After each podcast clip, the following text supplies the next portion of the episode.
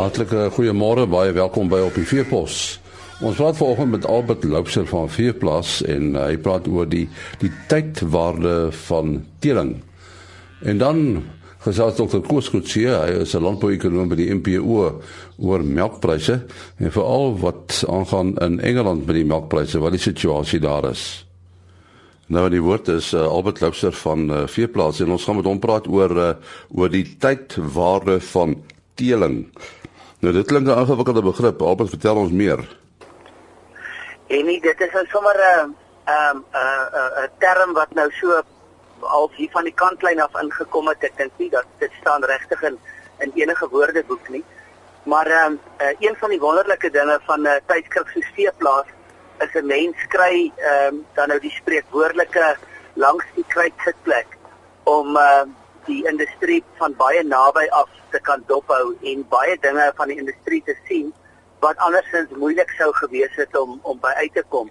Nou een daarvan is ehm um, dat 'n ou baie intens bewus word van hoe oud ons industrie eintlik is en hoe lank uh baie van die stoeterye en baie van die rasse al aankom.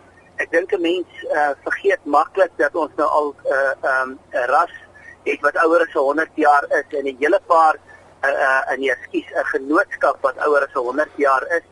Uh ons het 'n hele paar rasse wat al ouer as 100 jaar is en dan al 'n hele klomp teelers wat uh ouer as 100 jaar is waar dieselfde ehm um, stuk geslag tot geslag aangekom het. Nou ehm uh, ehm um, die die die beginsel van tydwaarde gaan maar net daaroor dat ons ongelukkig op hierdie oomblik in 'n in 'n era leef waar ehm um, ehm um, uh, uh, alles wat ons doen kits gedoen word. So ehm um, ons hou van kits koffie en ons hou van kits resepte en en enige ding wat vinnig kan gebeur. Maar dit spoel nou ook na verskillende fasette van ons lewe oor. Byvoorbeeld ehm um, weet dat dat dat uh, ons 'n uh, uh, kits huis wil bou. Uh, uh, verby is die tyd dat jy uh geduld het om oor 6 maande te wag dat die sement spreekwoordelik droog word jy wil letterlik 'n huis bestel en dan kom lewer lewer hulle om 'n kom, kompartemente af en jy trek sommer dieselfde naweek nog in op. Nou ongelukkig sien ons dit ook wat teeling betref. Ons sien dat dat hier en daar daar beleggers is wat 'n 'n 'n 'n lekker dik beursie het. Ehm um, 'n stukkie veiling bywoon, 'n klompie diere koop teen vreeslike pryse en dan van die volgende week kom self as adverteer as 'n stoeteler. Nou voor ek nou enigsins hier verder praat, uh, net seker te maak dat dat 'n konteks skep ehm um, hierdie hierdie uh, uh, gesprek uh, is op geen vlak gemik teen enige iemand wat hoë pryse betaal of enige iemand wat nie in 'n industrie begin of enigiets van daardie aard nie. Dit glad nie dit nie. Dit gaan net daaroor dat 'n mens baie realisties moet wees dat as jy 'n uh, stoetery begin, dat daar 'n bepaalde tyd is wat wat ehm um, jy gaan moet belê voor jy rendement dan nou van goeie uh, uh, teeling uh, eers na vore gaan kom. Dis nie 'n geval van net 'n paar regte aankope op die, op verskillende veilinge teen vreeslike pryse en dan te aanvaar dat jy daardie selfde pryse gaan behaal net omdat die die ouers van hierdie diere duur was nie. Uh teeling is iets wat uh um wat gemaak word soos goeie wyn. Um daar moet geweldig beplanning saamgaan, die parings moet baie akkuraat gedoen word en wanneer die R en B bymekaar gesit word, dan word dit gedoen omdat daar 'n bepaalde nageslag verwag word. Uh, uh so iets sal byvoorbeeld nie sommer net toevallig gebeur nie.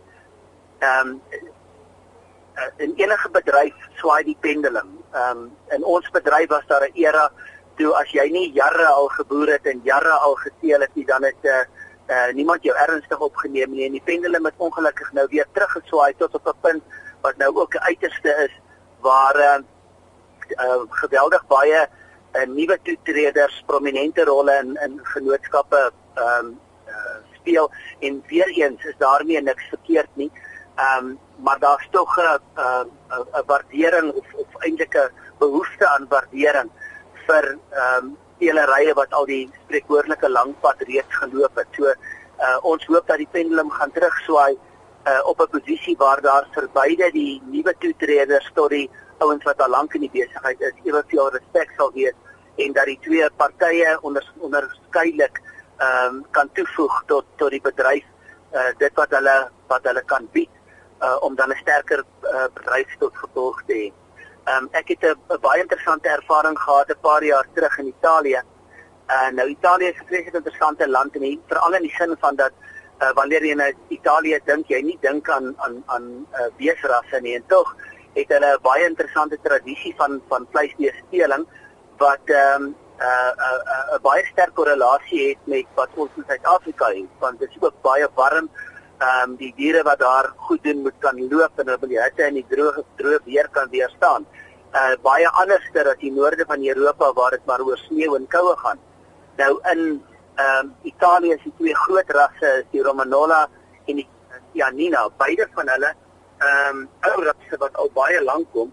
Nou ehm uh, die interessante ding is dat uh hierdie twee rasse ehm um, uh, uh die Chianina as ek my my feite reg het is oor die 2000 jaar oud wat hom die oudste uh beesras wat kommersieel in die wêreld gebruik word uh maak.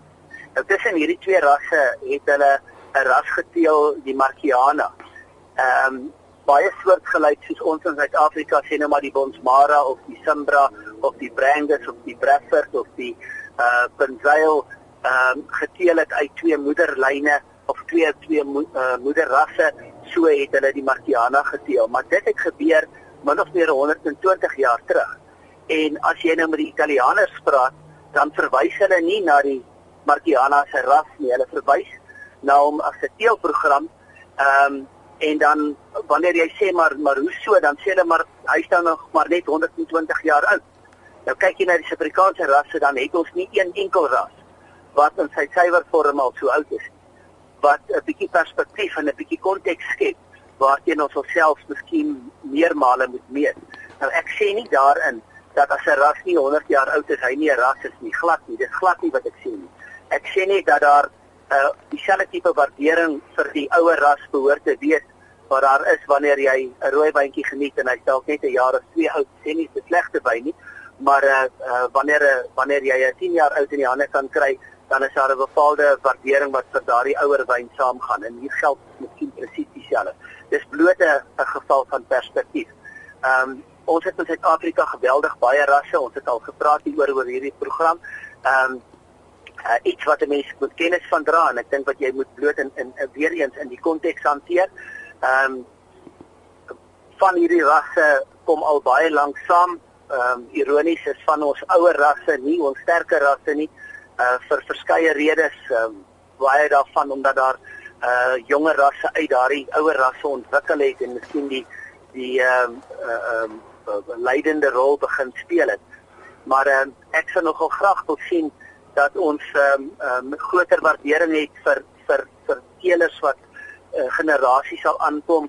Ehm um, ek het nou die voorreg gehad die laaste 2 maande om 'n hele paar sulke stoeterye te besoek en uh, dit is nogal 'n uh, betekenisvolle ervaring as mens in so 'n persoon se studeerkamer instap en hy kan vir jou 5, 6, 7 ramme wys wat in die 60, 70, 80 jarige geskiedenis van daardie uh kudde 'n rol gespeel het en bepaalde kenmerke in die in die ras ingebring het en vasgesteel het dat dit letterlik uh, een van die brandmerke geword het van 'n van 'n ras. So dit is nogal regtig iets wat ek hoop ehm um, in Suid-Afrika ons meer gaan sien dat as daar 'n 'n 'n skietery vir jare en 100 jaar oud word of 70 of 75 jaar oud word of 50 jaar oud word dat uh, ons 'n groter ding daarvan maak en en en 'n uh, um, 'n groter waardering het vir die prestasie daarvan.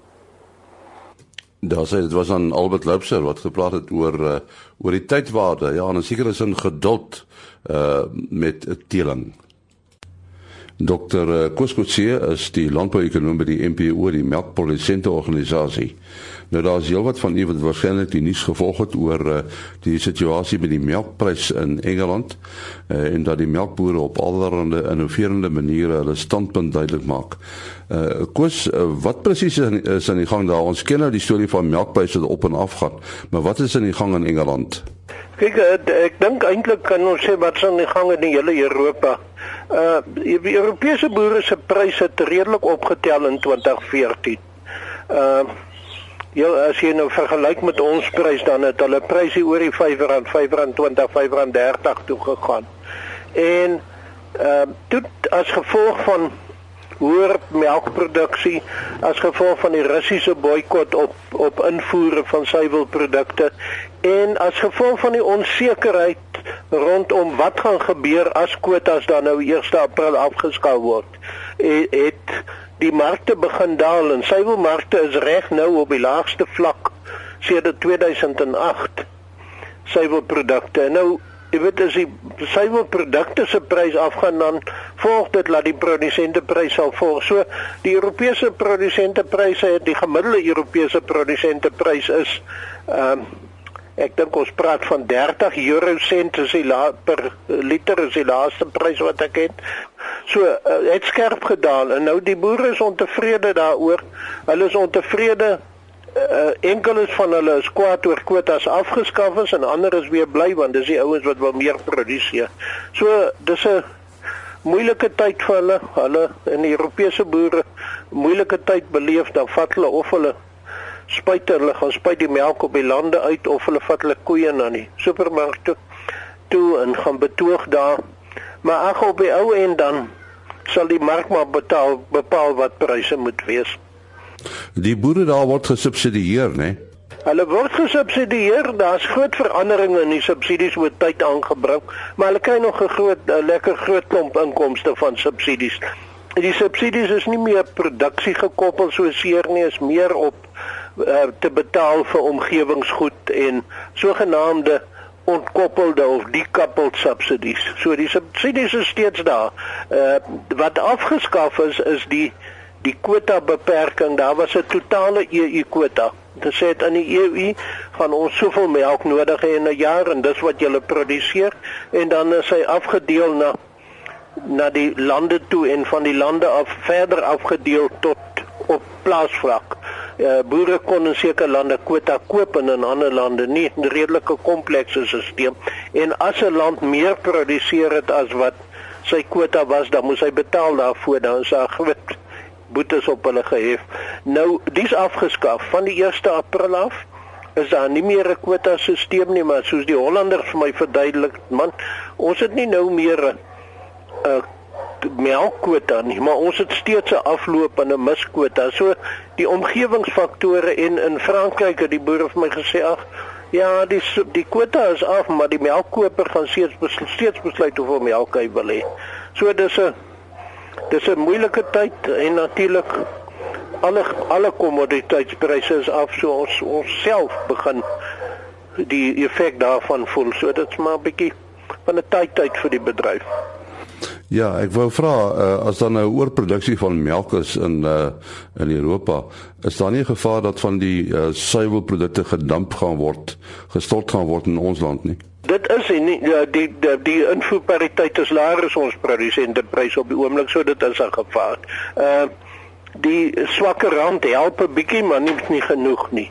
Uh natuurlik ons self sit met uh, redelike hoë produksie, so mense maar net hoop dat die plaaslike verwerkers en die plaaslike bedryf maar liewer so die plaaslike produk sal koop.